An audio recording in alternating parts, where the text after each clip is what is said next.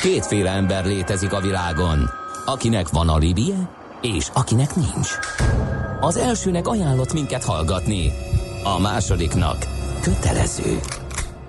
Te melyik vagy? Millás reggeli, a 90.9 Jazzy Rádió gazdasági mapetsója. Ez nem animi, ez tény. A Millás reggeli főtámogatója a PC Arena Kft. Újítson felújítottra. PC Arena. Felújított prémium számítógépek. Köszönjük ismét a hallgatókat, ez a Millás reggeli továbbra is itt a 90.9 Jazzin, Kántor Endrével. És Gede Balázsjal. Csütörtök van reggel 8 óra 13 perc. És hú, egy kedves törzshallgatónk reklamál, hogy a kapcsolati űrlap arra nem is válaszoltok, hónapokkal ezelőtt írtam, és semmi biztosan volt fontos. Hát az a baj, hogy egyre több minden érkezik be, és De... kétségtelen, hogy nem tudunk mindenre válaszolni. Nálunk már nem egy egész robotok napot... válaszolnak, igen, igen, hanem igen. mi a kollégák Úgyhogy válaszolunk. mindenkitől, aki így járt ezzel együtt, ne csüggedjetek, mert Egyébként minél. a Facebookon is lehet ö, direkt üzenetbe kérdezni, arra is próbálunk válaszolni, és még rengeteg másra próbálunk válaszolni, úgyhogy igen, Pozsi ide is megírta, lehet, hogy ő, ő írt ezen keresztül, amit említettél korábban, hogy Szentendrei már Szentendrén atommetál. Aha. Ezt is megkaptuk, és M0-áson az M5 felé a Csepeli pihenő után baleset erősen visszadugul, a Diósdi tétényi lehajtótól kezdődik, írja Halas. Aztán mindenhol nyálas, csúszós az út azért, mert sózták, a só ott maradt, a só higroszkópos magába szívja a levegőből a vizet, nyákát képezze, hetek óta életveszélyes, írja Doma. Uh-huh. Köszönjük szépen! De igen, nyálkás az út, az m 0 és dugó valahol nem lehet felhajtani, írja James. Akkor végigjöttem egy nyálkás úton, és nem vettem észre. Végigjöttem egy nyálkamentes részen, vagy, ahol előtted egy vagy. csomó csiga ment, és összeszedték a sót. Úgyhogy csak ez le, és nem hagytak nyálkát. Az lehet. Figyelem! A nemzetközi helyzet egyre fokozódik. Ne közlekedj üzleti szemellenzővel a nagyvilágban. Aki napra kész és szemfüles, az megtalálhatja a lehetőségeket nemzetközi környezetben is. Cégstruktúrák, adótervezés, adóegyezmények és vagyonvédelem. Ebben segít a Nemzetközi Vagyontervezésről kristálytisztán. A Millás reggeli pénzügyi panoráma rovata. És itt van velünk a stúdióban dr. Magyar Csaba, hogy megszokhattátok. Okleveles adószakértő, a Crystal Worldwide Kft. ügyvezető igazgatója. Szervusz, jó reggelt kívánunk! Jó reggelt, sziasztok! Szervusz, jó reggelt! Hát egy izgalmas címe van a mai beszélgetésünknek, minden bogár rovar, de nem minden focista adócsaló. Hát szegény focistákat most előveszünk, beletúrunk a zsebükbe, mert hogy elég sok balhé van az ő házuk táján. Főleg ugye az, az ismertebbek, hát Cristiano Ronaldo vagy Messi ügye, ugye ezek nagyon ismertek, de Neymar, Eto, Mourinho, Falcao is belekeveredtek. Miért pont a focista? Miért nem elég az neki, amit keres, vagy ezt mindenki megpróbálja ezeknél az összegeknél? Ja, hát azért itt már szabályosságokat lehet szép lassan felfedezni ebben a történetben, de azért azt ne felejtsük el, hogy nem mindegy, hogy ki az, aki elkövetés, mivel foglalkozik, tehát hogyha mondjuk egy tiszakécskei teke bajnok követné el ezt, az, ezt a bűncselekményt, akkor nagy valószínűséggel nem biztos, hogy a címlapokra kerülne, arról pedig ne feledkezzünk meg, hogy ezért, igen. ugye ez mindig egy bulváros téma. Igen. Minden mellett pedig azért itt olyan pénzekről van szó, hogy az egészen kisadónak az elsíbolása is csábító tud lenni ezeknek a sportolóknak. Igen, én ezt értem, de hát ugye rohadt nagy összegeket keresnek, viszont azért, mert ő egy sztár focista, tehát abból valamiféle trükkel adót síbolni, az gondolom elég átlátszó, tehát a lebukás veszélye igen nagy. Vagy milyen módszerek? Mi, mi, mi, mi, hol hol próbálják ezt meg, melyik területen? Hát alapvetően az elmúlt időszakban a legnagyobb botrányokat két részre lehetett osztani. Uh-huh az egy, egyrészt voltak, amikor külföldön hoztak létre egy társaságot, aminek az volt a célja, hogy tulajdonképpen a meziókat apportálják ezekbe hát a cégekbe, és így van, tehát a kóla és mindenféle mhm. cég oda fizetett nekik azért, mert rajta voltak az üdítős palackon, azon felül pedig ugye átigazolási díjakkal is ment a sumákolás ezerre, illetve ugye most Shakira kapcsán merült fel az is, hogy akkor most egész pontosan neki melyik országba kellene adózni, de Shakirának is ugye a férje focista, tehát a, ö, a ház, modell az meg volt. Há, házhoz jönnek az ötletek azonnal. Világos. Miért, miért jogszerűtlen, vagy miért, miért um, bukó az, hogyha ezeket a szponzorjogokat egy cégbe szervezi? Hát alapvetően ugye ez még nem lenne probléma, hogyha egy külföldi cégbe viszi ki ezeket a jókat. A gond akkor szokott kezdődni, hogyha ez a cég mondjuk csak papíron létezik. Aha és ugye nincs gazdasági racionalitása sem annak, hogy ezt megtegye, tehát Messi esetében urugvái és belizi cégekbe vittek ki ezeket a jókat, és ugye egy kicsit nehéz volt indokolni, hogy miért került erre sor. Főleg ugye, hogy akkor ezek szerint semmi egyebet nem csinált a cég, mint birtokolta a jogokat és szedte a díjakat. Így van. Aha. Hát alapvetően azért a profik oda szoktak már arra figyelni, hogy ezekben a cégekben legyen valós gazdasági jelenlét, akár alkalmazottak, akár tárgyi eszközök, tehát például a legnagyobb IT cégek is, akik a karibi térségben állították föl központjukat, azért jellemzően kiszoktak küldeni néhány informatikust, hogy egész időszakban szörfőzzenek, és akkor el lehet mondani, hogy ott van a menedzsment, meg mhm. alkalmazottak vannak a cégben. Ah, és az nem lenne megoldás, hogy mondjuk ezeket a szponzorfelületeket, felvarrókat, akármiket mondjuk gyártaná az a cég, és akkor láthatóan ott, ott folyik tevékenység is. Hát vannak azért ilyen megoldások is, Aha. csak hát amikor ilyen nagyon látványosan, nagyon egzotikus helyszínnel valósítják meg ezeket, akkor azért szeretnek példást tatuálni. Ilyen bukta után, mert nem követtem mindegyiknek a, a, a, az útját, amikor, amikor ezek voltak, akármilyen hangos is volt, meg Burtonnel fenyegették, ugye Ronaldot például. Ö, az mivel jár ilyenkor? Meghatároznak egy adóösszeget, amit ki kell fizetni, büntetés is van hozzá, tehát mekkora bukta? Tördetesen Spanyolországban van egy olyan szabály, iratlan szabály, de általában követi a bíróság, hogy abban az esetben, hogyha két évnél nem hosszabb szabadságvesztésre ítélik az illetőt, akkor abban az esetben a lehetőség van arra, hogy felfüggesszék ennek a végrehajtását, nyilván egy masszív pénzbüntetést is kap az illető, de amennyire néztük a legtöbb spanyol futbalista esetében azért így pont megúszta ezeket a, ezeket a büntetéseket, tehát nem kellett végül ő csücsülni, de azért voltak, akiket elég elért pár a börtönszele. Ez még hát nem ugye, a Beckham törvény, vagy ez az? Nem, nem, nem, a, a Beckham törvény az egy teljesen más történet.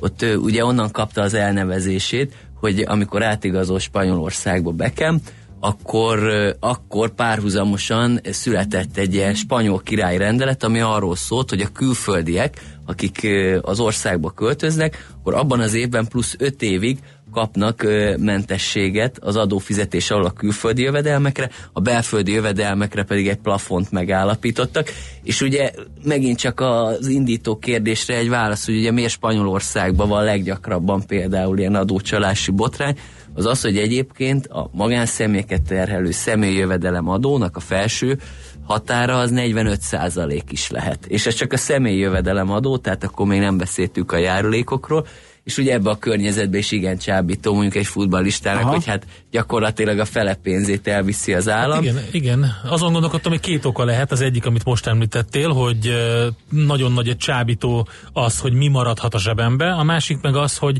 csábító a szankciók hiánya tehát hogy a laza, laza szankcionálás. Tehát, hogyha amit mondtál, hogy ez elengedhető, és stb. stb. Ha kemény szankciók lennének, mondjuk teljes vagyonelkobzás, vagy valami ilyesmi, akkor lehet, hogy nem lenne hiába nagy a csábítás, nem lenne akkora. pályáztatsz a, a spanyol adóhivatal lélére. Köszönöm szépen. Megreformálod, de egyébként visszatérve ezt a Beckham törvényt pedig szép lassan kivezették a spanyol adórendszerből, mert ugye egyre többen éltek vissza vele, és valószínűleg emiatt is ö, úgy döntöttek a futbalisták, főként gondolom itt a katalán adólázadás keretében, hogy hát nem szeretnék ezeket az összegeket megfizetni. Mi a helyzet azokkal, akik más országokba költöznek, Svájc, Monaco, hogy autóversenyzők is előszeretettel használják ezeket az országokat, ugye ott is nagyon nagy pénzek röpködnek? Ezeket jellemzően akkor szokták használni, amikor valamilyen nagyobb pénzhez fognak jutni, és akkor előtte gondosan megtervezik, hogy én ebbe az országba fogok költözni, és akkor ott veszem föl ezeket a jövedelmeket. De azért nagyon sokan elbotlottak már ezen a történeten, hiszen ilyenkor nézheti az adóhatóság is jellemzően figyelni is szokták, hogy hol van a létérdek központja. Tehát ez egy dolog, hogy kreál valaki magának egy lakcímet, egy adott országban, viszont azt szokták nézni, hogy hol a legerősebbek a gazdasági, szociális, kulturális kötődései. Például ugye épp Shakira, a napokba keveredett botrányba ott is fölmerült, hogy hát nem tartózkodott 183 napot Spanyolországba, ezért úgy gondolta, hogy nem ott fizeti meg az adókat. Ugye folyamatosan turnézott, koncertezett, nem volt otthon, de a spanyolok meg azt mondták, hogy nem baj, de itt él a családod, itt járnak a gyerekek iskolába, Aha. itt vagy tagja a golfklubnak, és a többi, és a többi, és a létérdek központja mindvégig itt volt, úgyhogy adózzám Spanyolországban. Még itt folytatva itt a kört a hírességekkel kapcsolatban, meg hát azért rengeteg de, de, de, mi, euró milliókról beszélünk, hogy azt nem értem, hogy nincs ezeknek az embereknek egy jó tanácsadója, aki nehogy, tehát hogy, hogy rendesen megcsinálják neki, figyelj, a következő a helyzet, így kell megoldani, úgy, hogy ez ne csalás legyen, hanem teljesen legális módon ne fizest be a 45%-át. Hát néha én is úgy látom, hogy egy picit bíznak valamiben, és, sőt feltehetően Szent Mamaszban, ugye nem tudom, Igen. tudjátok, hogy Szent Mamasz az adóelkerülésnek a védőszentje. Bizony, egy teljesen véletlenül egy ciprusi szerzetes volt, aki nem fizetett a törököknek adót, ezért aztán ki is végezték szegénykémet. Szent lehet, Mamasz? Szent Mamasz, úgyhogy valószínűleg Jó. van egy ilyen mediterrán Aha. életérzés, Igen. hogy majd Szent Mamasz segít rajtunk.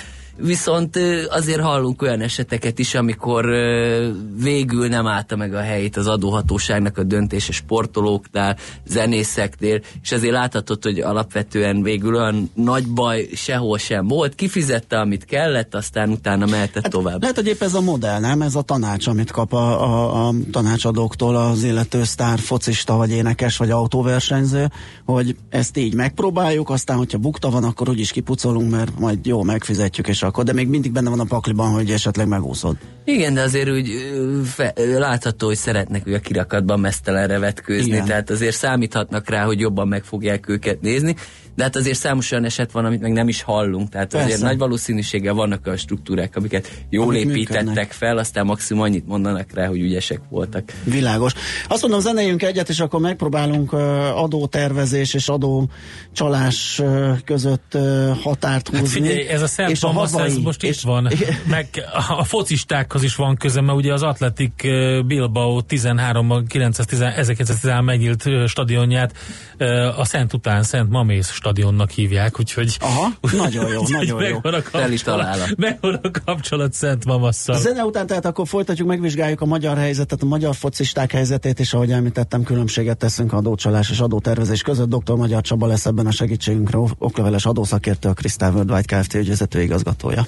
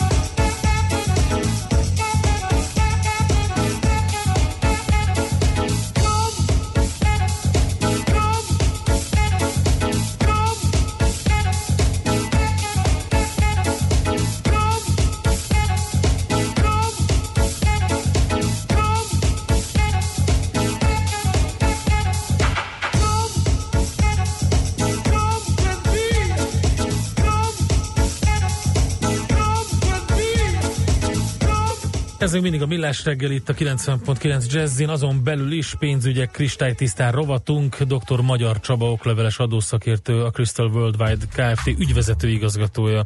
A beszélgető partnerünk, és hát itt különböző focisták adóbotrányairól, meg hírességek adóbotrányairól beszéltünk, de hogy térjünk át egy kicsit Magyarországra, hogy hogy hát, itthon mi, mi a helyzet, helyzet igen, van? Itt, itt hogyan gazdálkodnak a focisták, meg milyen olyan adó jogszabályok állnak lehetőségre, gükre, amivel uh, tudják csökkenteni a, az adójukat.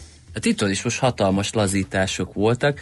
Ugye, ha Spanyolországba Beckham törvénynek nevezzük, én, én azt javaslom, hogy az itthoni lazításokat pedig egy fricskaként Beckham felé Koplárovics uh, törvénynek nevezzük el. Az nagyon jó. És ugye van ez az egyszerűsített közterviselési hozzájárulás, amelyet sportolók választhatnak, és például ez most ennek az éves bevételi határa felment 250 millió forintra éves szinten, magyarán, hogyha a sportoló, az a futbalista 250 millió forintot kap éves szinten, akkor egészen addig minden jellegű adó és járulékfizetési kötelezettségét 15% megfizetésével teljesíti, ami azt lehet mondani, hogy ez egy elég kedvező lehetőség, arról nem beszélve, hogy az ő alkalmazó kluboknak pedig nem kell megfizetni utánuk az úgynevezett 20%-os uh-huh. ekkot, tehát azt is eltörölték, sőt ugye itt sportkluboknál ugye megjelent most az iparűzési adómentesség és a sporttevékenységből Igen, hát származó. azok most újongva üdvözlik a jövedelmekre, tehát itthon, itthon is vannak olyan szabályok, Aha. amivel ezt kedvezővé teszik. Egyébként az SZIA-ban is jó pár éve benne van, például az külföldi előadó művészek is magyarországi adózást választhatnak tehát azért van számos olyan lehetőség itthon, amire azt lehet mondani, hogy sportolókat, előadó művészeket ide vonza Magyarországra, hiszen itt is adóparadicsom körülményeket alakítottak ki A számukra. maguknak a kluboknak mi számít bele az árbevételébe? Minden? Hát alapvetően ugye megvan, hogy a sport tevékenységgel összefüggésben, hogyha valaki megnézi a jogszabályt, akkor benne van, hogy ugye a jegyeladásoktól uh-huh. kezdve elég sok minden, ami a sporthoz Reklámbevétel is gondolom, szponzoroktól kapott pénzek. Minden, ami a sporttevékenységgel összefügg. Hát akkor ez nagyon kedvező. El lehet mondani, hogy ez annyira kedvező, hogy itthon azért akkor nem is nagyon van példa erre a, a csiki csukira. Hát őszintén szóval ilyen Vagy adó környezetben meglepődnék, Aha. hogyha egy Igen, magyar sportoló a spanyol 41 hány százalék, ugye az azért 45-höz képest Igen. mondjuk azt mondják, hogy 250 millió forintig éves szinten 15 százalékot kell fizetned, és innentől fogva rendben van minden. Igen, elég beteg dolognak tűnik, hogyha valaki ezek után még próbálkozna. Hát nem is nagyon bármivel. van szerintem olyan magyar focista, aki, aki e fölé menne nagyon masszívan. Hát Ki, reméljük. Nem. Aztán lehet, reméljük, hogy, lehet, hogy valakit ide igazolnak, és Spanyolországban Érzésre ezt mondjuk, hogy így kb. Na, akkor nézzük meg, hogy hogyha már itt beszélgettünk ezekről, hogy adótervezés, adócsalás, hogy nagyon fontos azért elkülöníteni a kettőt annak idején egy angol jogász megkérdezte tőlem, hogy mennyi a távolság az adótervezés meg az adócsalás között. Akkor bambán néztem, majd rávágta, hogy hát kettő méter. Még továbbra is bambán néztem, és akkor mondta, hogy hát ennyi a börtön fala. Ja. Tehát ugye kettő között így nagyjából ennyi a különbség, tehát dogmatikai Aha. szempontból, ha nézzük, azért nehéz ezeket annyira élesen elkülöníteni, ugye beszélhetünk legális adóelkerülésről, meg illegális adóelkerülésről. És a legális adóelkerülésbe szokták emlegetni az adótervezést, amikor azt mondják, hogy egy adott ország nyújt kedvezményeket, és akkor azokat a kedvezményeket igénybe veszi valaki egy szakértő segítségével, és ezt követi úgymond az agresszív adótervezés, amikor egy ország jogrendszerében, vagy több ország jogrendszerében hézagok vannak, nem figyeltek oda, és akkor ezeket a joghézagokat kihasználja valaki, és ugye abban az esetben, hogyha ezt nem jó hiszeműen teszi, vagy a rendeltetésszerű joggyakorlás kritériuma nem áll fenn, akkor ugye nagyon könnyen ez átcsaphat már egy illegális mhm. adóelkerülésbe, hát tehát ugye, itt, itt húzódik a határ Amiket nagyjából. beszéltünk a focistáknál, látszólag az is jogszerűnek tűnik, hogy csinálok egy külföldi céget, azt mondok, hogy az foglalkozik az én szponzorjogaimmal, ott van egy mondjuk egy pár fős menedzsment, aki ezeket kezeli, én ugye focista vagyok, miért kéne ez, ehhez értenem és ezzel foglalkoznom, ránézésre ugye jogszerű, csak hát mégsem. Igen, egyébként idehaza történt egy szigorítás ezen a téren, mert a adózás rendjének az alapelveibe beiktatták ezeket a rendeltetésszerű joggyakorlás, stb. már réges-régen, viszont a társági adóról szóló törvénybe beiktatták ezzel, ez mondjuk cégekre vonatkozik, nem magánszemélyekre, hogy abban az esetben, hogyha az ügyletnek a fő célja az adóelénynek az elérése, akkor ugye az adóhatóságnak lehetőség van arra, hogy ezt a kedvezményt megvonja, átminősítse az ügyletet, és másképp adóztassa az illetőt. Ez korábban úgy szólt, hogy ha az ügyletnek a kizárólagos célja az adóelőny elérése. Tehát itt most uh-huh. már szigorították, tehát elég, hogyha a fő célok között ö, ott van, ez a, ez a gondolatmenet. Minden mellett pedig, hogyha ilyen külföldi céges konstrukciókba gondolkodik valaki, a tavalyi évtől viszont jelentős mértékben egyszerűsítették a szabályokat, és magánszemélynél szinte ö, semmi szankciója nincsen. És hát egyébként, hogyha már valaki az adócsalás mezeire téved, ugye, amit hivatalosan költségvetési ö, csalásnak nevezünk, ott is például van egy lehetőség, hogyha a vádirat benyújtásáig az illető megfizeti a vagyoni hátrányt, amit okozott az államnak, akkor korlátlanul enyhíthető a büntetés. Aha. Aha. Hát akkor, akkor ezért is ö, próbálkoznak ezzel sokan. Azt kérdezi egy hallgató, hogy jó reggelt előadó művészetre is működik a nem Poplárovics, Koplárovics. nem. Nem, tehát ez a focistákra Ekózhatnak, ekózhatnak, viszont az előadó művészeknek nem tolták ki a bevételi határát erre a uh-huh. mértékre. Világos. Előadó művészetben a tegnap kitárgyalt taózás működik most Magyarországon, az teljesen más jellegű. Attól függetlenül ekózhatnak az előadó művészek, csak náluk nem, ilyen, nem tolták föl ilyen magasra. Igen, vártam valami hasonló üzenetet, a focista nem sportoló, mondjuk, igen. Egyébként Bicska nyitogató miért is jár nekik adókedvezmény, tehát igen, elég furcsa, tehát um, akkor innentől minden sportolóra ki kéne terjeszteni, vagy, vagy illő lenne, hát ez, de ez, akkor ez, megint felmerülhet, hát hogy ugye, miért a pont a sportoló. mondani, hogy az egészségügyet úgy lehet kimélni, hogy prevencióval hmm. a mhm. lakosságot sportolásra szoktatjuk, és akkor így hosszú távon spórolunk. De nem ez, ez a, meg... de ez minden sportolóra vonatkozik, nem? Vagy csak a futballklubokra vonatkozik? Amiről beszéltünk? Az ekózás, amit beszéltük, Igen. hogy éves szinte 15 millió forint, vagy 15 százalékos adóval rendben van az illető, az más sportolókra is vonatkozik, Na, tehát nem aha. csak a futballisták. Jó, akkor jól értettem. Tehát a tiszta kécskei tekkéző is igénybe vehet. Ez nagyon fontos, ez nagyon fontos igen, azonban. igen, mert ez egy fokkal azért így és a, és a kluboknak is ugye az a segítség, az is minden klubra vonatkozik, amiről hmm. beszéltünk, tehát akár a kicsi kluboknál is jelenthet azért ez pluszt. Oké, okay, hát köszönjük szépen ismét az izgalmas témát. Nagyon Kicsit volt. beleláttunk a focisták zsebeibe és trükkjeibe. Ebben segítségünkre volt dr. Magyar Csaba, okleveles adószakértő, a Crystal Worldwide Kft. ügyvezető igazgatója. Jó munkát, szép napot neked! Nektek is sziasztok! Megyünk tovább rövid hírekkel, aztán jövünk vissza és folytatjuk a millás reggelit itt a 9.9 Jazzim. Járj mindig egy lépéssel előrébb. Elemezzük együtt a határon átnyúló ügyleteket jogi és adózásügyi szemszögből. Emlékezz, ne tedd az összes tojást egyetlen kosárba. Ez a pénzügyi önvédelem tudománya. Nemzetközi vagyontervezésről kristálytisztán. Műsorunkban termék megjelenítést hallhattak. Éppen külföldre készülsz vállalkozásoddal? Szeretnéd tudni hol, hogyan és mennyit kell adózni? Ismerd meg a világországainak adózási sajátosságait a Millás reggeli világjáró adórovatával minden hétfőn reggel 8 és fél 9 között. Az adóvilág rovat támogatója a BDO Magyarország Kft. Könyvvizsgálat, könyvelés, adótanácsadás. Mert semmi sem biztos, csak az adó. Valahol még az sem. Rövid hírek a 90.9 Jazzin. 2017-ben 38 egyedi döntéssel valamivel több mint 71 milliárd forint támogatást osztottak szét különböző vállalkozások magyar beruházásai között. Derül ki a kormány.hu oldalára feltöltött egyedi kormánydöntéseket listázó dokumentumból. Az m cikke szerint a 71 milliárd forint rekord nagysága ellenére nem párosult rekordszámú új munkahelyjel, hiszen mindössze 8611 új állást hoztak létre az új projektek. Mindezek eredményeként, ha leosztjuk a támogatási összeget a munkahelyek számával, akkor kiderül, hogy egyetlen állás megszületését a kormány 8,2 millió forinttal támogatta, fogalmaz a portál. Február 12-én megalakul a Közszolgáltató Vállalatok konzultációs fóruma. Tudta meg a világgazdaság. A testület az állami tulajdonban lévő vállalatok, azaz a közüzemek munkaügyi kérdéseivel, például konfliktuskezeléssel, bérügyekkel is foglalkozik majd. Palkovics Imre, a Munkástanácsok Országos Szövetségének elnöke fontosnak tartja, hogy más munkaügyi kérdések, így a munkaerőhiány vagy a képzés is terítékre kerüljön a fórum ülései. Nem csak kiavított, hanem több ponton is korszerűsített Mi-24-es harci helikoptereket kap vissza áprilistól a Magyar Honvédség. A nagy javítást, a modernizációt és az átalakítást Moszkvában végzik. Amit egy 21 milliárd forintos üzlet során a helikoptereknek nem csak a sárkány szerkezete újul meg, hanem a meghajtásért felelős turbinák is. A lap információi szerint az első négy helikopternek áprilisban kell visszatérnie, a második négyest pedig júliusban.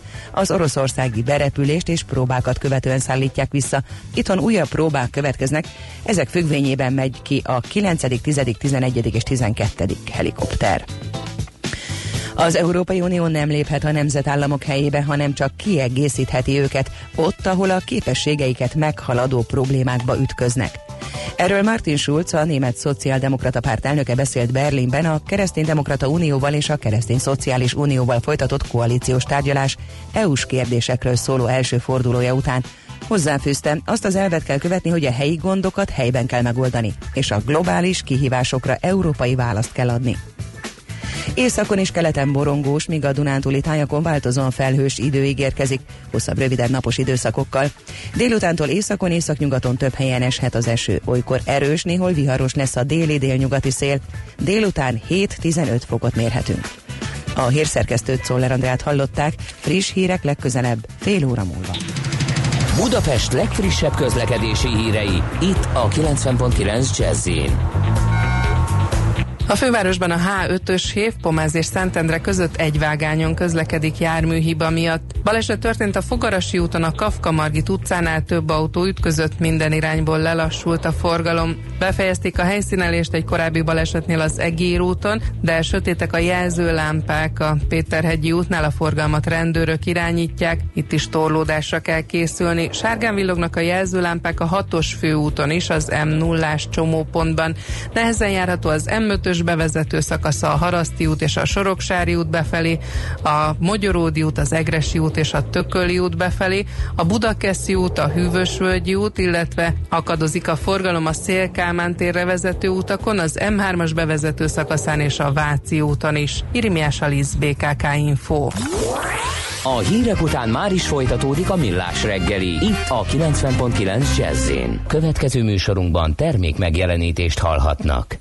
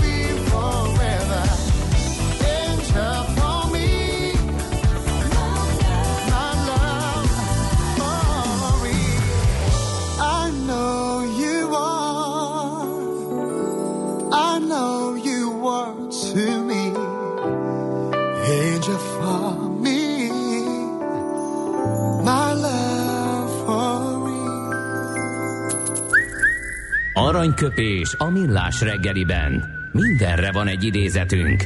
Ez megspórolja az eredeti gondolatokat. De nem mind arany, ami fényli. Lehet kedvező körülmények közt gyémánt is. Kérdezőben a mai napon 126 éve született Nóti Károly, Író, újságíró, újságíró, forgatókönyvíró, kabarészerző, nagyon sok oldalú figura volt. Rengeteg ilyen szállóige van, öreg motoros vagyok például, ami a nevéhez köthető, meg a lepsénynél még megvolt, már szállóigévé vált. Alulról poénok. szagolja az ibolyát, nem is tudtam, hogy Azt én sem, alulról szagolja az igen. ibolyát, tőle van, de van egy elképesztő jó, nem egy, rengeteg elképesztő. Nem tudom, hogy sokan tudják-e, de a második magyar hangos film az 1931-es Hippolyta lakály volt. Ugye Schneider Mátyás fuvarozóról szól Mhm. a sztori, aki e, természetesen egyik napról a másikra sikeres és tehetős polgár lesz, ezért e, grófi lakályt vesznek fel. Ugye a rendező Széke István volt, a forgatókönyvet azonban Nóti Károlynak köszönhetjük, máig feledhetetlen alakításokkal, Kabos Gyula, Csortos Gyula, Haraszti Mici, Jávor Pál, ugye, Mhm, akinek igen. pont tegnap volt születési évfordulója, és a következő idézet eh, van belőle, ezt is Nóti Károly zsenialitása. Ugye Schneider Mátyás uh, Hippolytnak uh, azt mondta, amikor már mindenbe beleszólt, hogy mit hogyan kell csinálni, és azt mondta, minden nap végig fogja nézni, hogy én nem smokingban eszem a vacsorát, hanem ingújban. És a libasülthöz hagymát eszek. Mindenhez. A hagymához is hagymát teszek. A halat pedig késsel fogom enni. Két késsel. Igen, ez klasszikus. Andrát is egymásban. Kiakadt a kis ember, és még a halat is két késsel. Nóti Károly eh, 126 éve született ezen a napon. Aranyköpés hangzott el a millás reggeliben. Ne feledd, tanulni ezüst, megjegyezni arany. A műszer neked egy fal, a sebesség egy váltó, a garázs egy szentély. Zavar, ha valaki elbetűvel mondja a rükvercet. Mindent akarsz tudni az autók világából? Akkor neked való a millás reggeli autós rovata. Futómű. Autóipari hírek, eladások, új modellek, autós élet. Kressz. És állandó szakértőnk Várkonyi Gábor a vonalban. Szervusz! Jó reggelt, sziasztok! Szia, jó reggelt! No, Mazda. Új fejlesztés. Így van, van egy kis szimpatikus japán autógyár, ami vívja a szabadságharcát az uralkodó trendekkel szemben, ez pedig nem más, mint a Mazda, és hogy ezt miért így vezettem föl, ahhoz némi magyarázattal kell szolgálnom. oly annyira e, benne van az agyakban, illetve a médiában az, hogy az elektromos autó az egyetlen igazi zöld megoldás, hogy kifakadt szegény e, mazdás mérnök, és azt mondta, hogy a média kontrollálja az emberek agyát az elektromos autóval kapcsolatos tévhitek e, során, hiszen az elektromos autó ugye, de ezt mindenki tudja, aki egy kicsit jobban belegondol, nem egészen, e, hogy mondjam, CO2 neutrális közlekedési eszköz, csak éppen máshová allokálja ennek a kibocsátását, tehát nem az autó végén jön ki, uh-huh. hanem egy erőműből. Ezt ugye már tudjuk, ebben nincs újdonság. Viszont az, hogy egy autógyártó eh, a benzines, tehát a belső égésű motoros uh, verzióban gyártott autójának a hatásfokát olyan szintre tudja emelni, hogy szériagyártásban képesek hamarosan olyan motorral ellátott hármas Mazdát uh, bemutatni, aminek a hőhatásfoka annyival emelkedett, hogy ha mindent beleszámolunk, tehát az energia előállítását, illetve az autó kipufogó gázának az összetételét, akkor nagyjából az elektromos autók szintjére jut a CO2 lábnyoma egy ilyen autónak, és ez szerintem szenzációs. Tehát arról van szó, röviden, hogy a dízelek és a benzinesek előnyeit kombináló motort fognak bemutatni hamarosan a következő generációs hármas Mazdában, és hogy százalékosan elétek tárgyam, hogy ez nagyjából mit jelent hőhatásfok szempontjából. Ugye ez azt jelenti, hogy nem feleslegesen a környezetünk melegítésére um, pazarolja el a motor az üzemanyagot, hanem arra, hogy konkrétan ugye, meghajtsa a kereket. A, a lehető leghatékonyabb benzinmotorok jelen pillanatban 40% körüli hőhatásfokkal működnek, és 56%-os hőhatásfokot ígér a Mazda a következő benzines, vagy hát már majdnem dízeles elven működő motorjánál. Ez, ez pedig tényleg azt jelenti, hogy ha összehasonlítjuk egy, egy jelenlegi, fejlettebb nyugat-európai ország energiamixének CO2 kibocsátási normájával, hogy mindent összerakunk, akkor nagyjából tényleg az elektromos autók szintjére jutunk per autó CO2 kibocsátásban. Uh-huh, mit, jelent, mit jelent az, hogy már majdnem dízeles? Ez azt jelenti, hogy tulajdonképpen öngyulladó benzinmotor. Aha, ez érdekes. Tehát más, teljesen más sűrítési arányokkal működik. Ez egy, tehát az elvel nagyon sokan kísérleteznek nagyon-nagyon régóta, csak megcsinálni nem tudja senki. Úgy, Ugye magasabb a gyulladáspontja a benzinnek, és ezért Pontosan. ez nem nagyon működött eddig, aha. Pontosan, és amikor először bemutatták a, az első generációs Skyactiv motort, akkor a, a nagyúr, Martin Winterkorn, az, az a Volkswagen akkori főnöke végignézte a technikai paramétereket egy kiállításon, és egész, egész egyszerűen arra a kijelentésre jutott, és ez föl van véve valahol, hogy ez nem kéne, hogy beinduljon az a motor. Tehát ennyire ennyire messzire jutott a, a, a kis Mazda, mert ugye nem győzöm hangsúlyozni, ez egy viszonylag pici és független autógyártó, nem tud olyan euró 10 milliárdos költségekkel fejleszteni, ahogy mások, hanem nagyon értelmesen és hatékonyan kell beosztani azt a pénzt, ami arra van, hogy lépést tudjon tartani a vezető autógyártó koncernekkel a technológia kapcsán. Nekem rettentő szimpatikus az, hogy nem hagyják magukat rángatni um, uralkodó technológiai trendek kapcsán, hanem világosan végig gondolják, hogy mit érdemes és mit nem érdemes. Uh-huh. Lehet, hogy nem olyan látványos. Mondj egy pár példát erre, hogy nem hagyják magukat rángatni, létszes. Mert én viszont azt veszem észre, hogy a, a Mazda ma, nagyon, tehát nekem is egy szimpatikus kis autógyártó, de, de hát um, formatervezés tekintetében is nagyon sok mindenben modellválaszték, paletta, meg ilyenekben ugyanott van, ahol a többiek, de én ezt nem látom. Abszolút nem. Nem, Abszolút na, nem. akkor nagyon jó, hogy ezt megkérdeztem. Nézd meg azt, hogy mennyivel szebbek európai szemmel nézve a Mazdák, mint bármelyik másik japán autógyártónak bármilyen modelljei. Aha, értem. De Lényegesen akkor, szebbek. De akkor az európai egy... trendekre, hogy ezeket lovagolják meg? Hát az egy köztudott tény, hogy aki az európai autópiacon el tud érni sikereket, és itt a, a a modelljei komoly piaci részesedést érnek el a maguk kategóriájában, az mindenhol a világon sikeres lesz. Uh-huh. Még mindig nincsen az európainál keményebb vásárló, és ítélkezőbb vásárló, és elkényeztetettebb vásárló. Tehát nem az a nagy truáj, hogy egy feltörekvő piacon, ahol gyakorlatilag mindegy mit gyártasz, mert ki vannak érzve az emberek az autóra, tudsz komoly piaci részesedéseket elérni, hanem Európában sikeresnek lenni, az még mindig messze, messze nehezebb, mint akár Észak-Amerikában, vagy Japánban, vagy bárhol a világon. Ez egy dolog.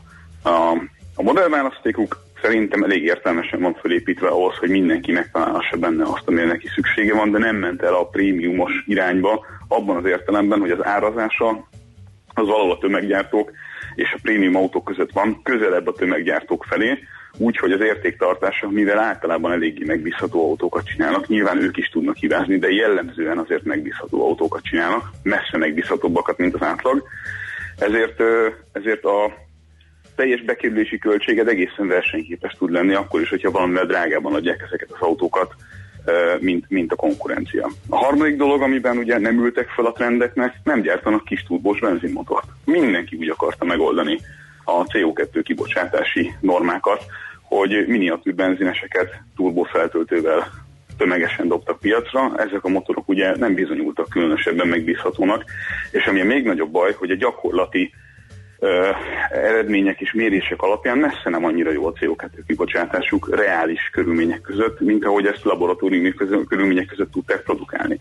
Ebben rettentő szimpatikus volt a Mazda, a kezdettől fogva azt mondta, hogy normálisan méretezett szívóbenzines motorokkal akarja megoldani azt, amit a többiek egy olcsóbb és egyszerűbb megoldással, egész egyszerűen motorméret csökkentéssel és turbófeltöltővel akartak megúszni. A harmadik dolog, amiben szerintem a Mazda nagyon konzekvens és, és ö, nagyon dicsérendő, az a folyamatos súlycsökkentésre való törekvés. Ugye kisebb súly, az kisebb ö, motorokat, ö, illetve pontosabban kisebb energiafelhasználást ö, eredményez ugye a motorok részéről, tehát dinamikusabban lehet akár kevesebb lóerős autóból is kihozni azt a, azt a vezetési élményt, amit mondjuk mások plusz 2-300 kilóval sokkal nehezebben tudnak megoldani. Ezek, ezek mind szerintem kifejezetten szimpatikus elgondolások azzal kapcsolatosan, hogy hogyan fogunk autózni a következő 10-20 évben. Uh-huh. Nagyon Nyilván ők sem fogják megúszni egyébként elektromos és plug-in hibrid nélkül, és nem is, tehát ez a ez a dízel-benzin kombinációjú motor, ez nem azt hivatott kiváltani, hogy ők, ők nem akarnak mondjuk elektromos autóval foglalkozni, fognak, terve van, de ha ilyen szintű hatékonyságnövelést tudnak elérni mondjuk CO2 kibocsátás kapcsán, akkor például azokról a azokról a komoly büntetésekről, amikről azt hiszem minap beszéltünk egy vagy két adással ezelőtt, azokról, vagy azokkal kapcsolatban nem feltétlenül kell számolniuk, tehát marad egy pár millió euró a zsebükben. Pár Nagyon, nagyon jó. Oké, Gábor, köszönjük szépen, hogy bemutattad ezt a dolgot. Jövő héten találkozunk személyesen is. Jövő héten személyesen. Így van. Sziasztok! Szervusz. Várkonyi Gáborral beszélgettünk a Mazdáról. Most lefarkolunk, de jövő héten megint indexelünk és kanyarodunk, előzünk és tolatunk a Millás reggeli autós rovatában. Futómű a világ négy keréken.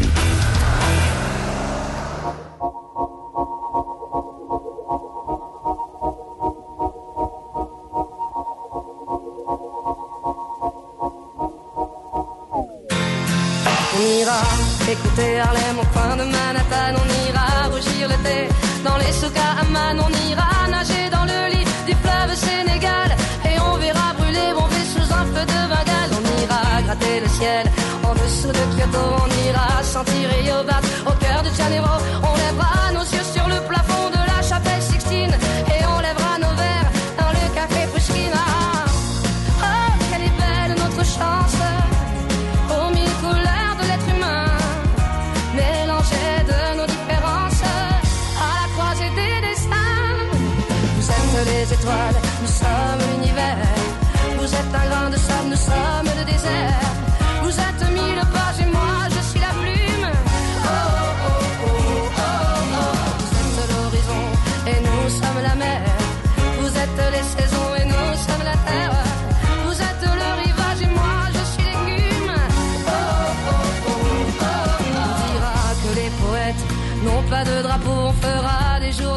Autant qu'on a de héros. On saura que les enfants sont les gardiens de l'âme et qu'il y a des reines autant qu'il y a de femmes. On dira que les rencontres font les plus beaux voyages. On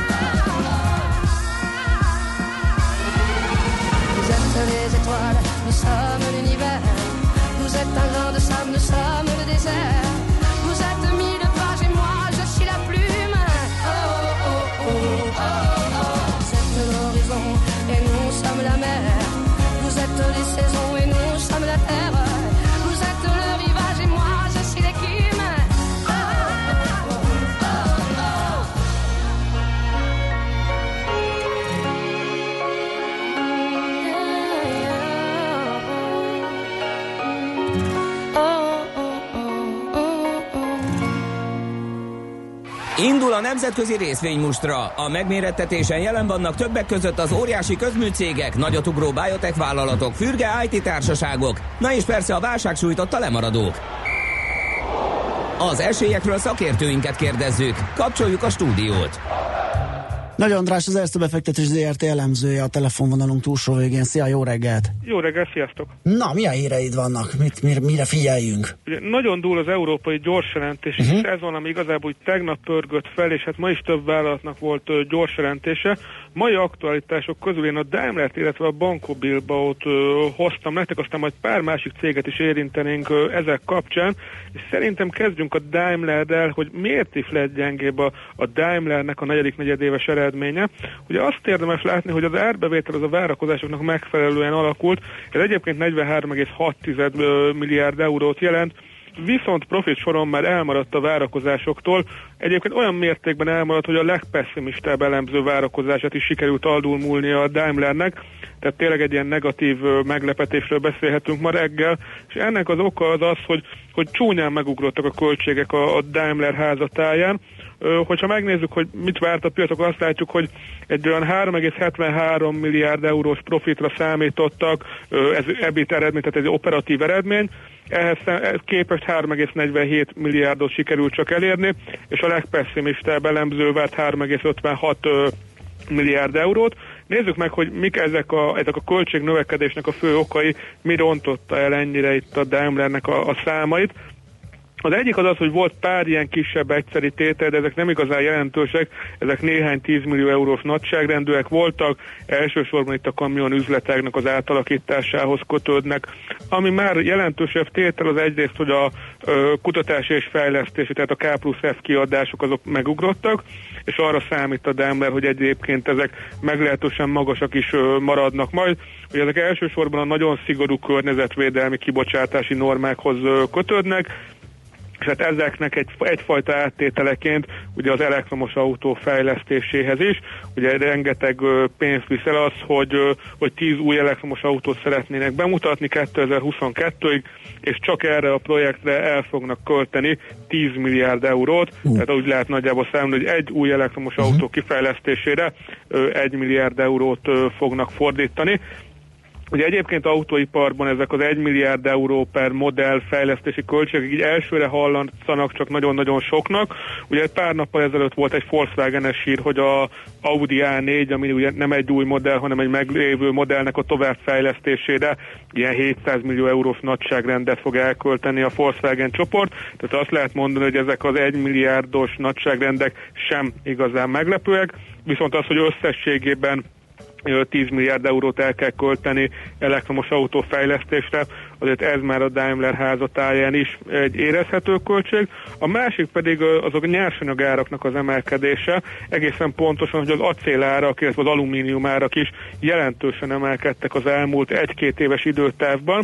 Ez egyébként nem csak a Daimler-t érintő, hanem például Amerikában a Ford is jelezte, hogy az emelkedő alumínium árak azok kihívás jelentenek a vállalatnak, hiszen az elmúlt években, elmúlt egy-két, hát négy-öt évben már inkább egyre inkább abba az irányba ment az autóipar, hogy uh, ahol csak lehet, ott alumíniumot használjanak a kaszniknál, illetve a motoroknál is, mert hogy ezek uh, sokkal könnyebbek, uh, pár száz kilót le lehet ezzel faragni az autóknak a súlyából, ami pedig segít ahhoz, hogy egyrészt kevesebbet fogyasszanak az autók, másrészt pedig, hogy könnyebben megfeleljenek a, a környezeti kibocsátási normáknak, ilyen károsanyag gázoknál, hogy mennyire elterjedt az alumíniumnak a használata az autóiparban, illetve a Daimlernél.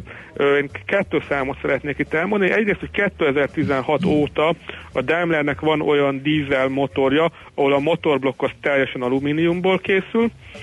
A másik szám pedig az, hogy szintén egy néhány évvel ezelőtti modelljüknél már elérték azt, hogy az autó karosszériájának körülbelül 50%-át az már az alumínium ö, teszi ki. Tehát az alumíniumnak az árának a növekedése az mindenképpen egy, egy költségnövekedés igazából az összes autógyártónál.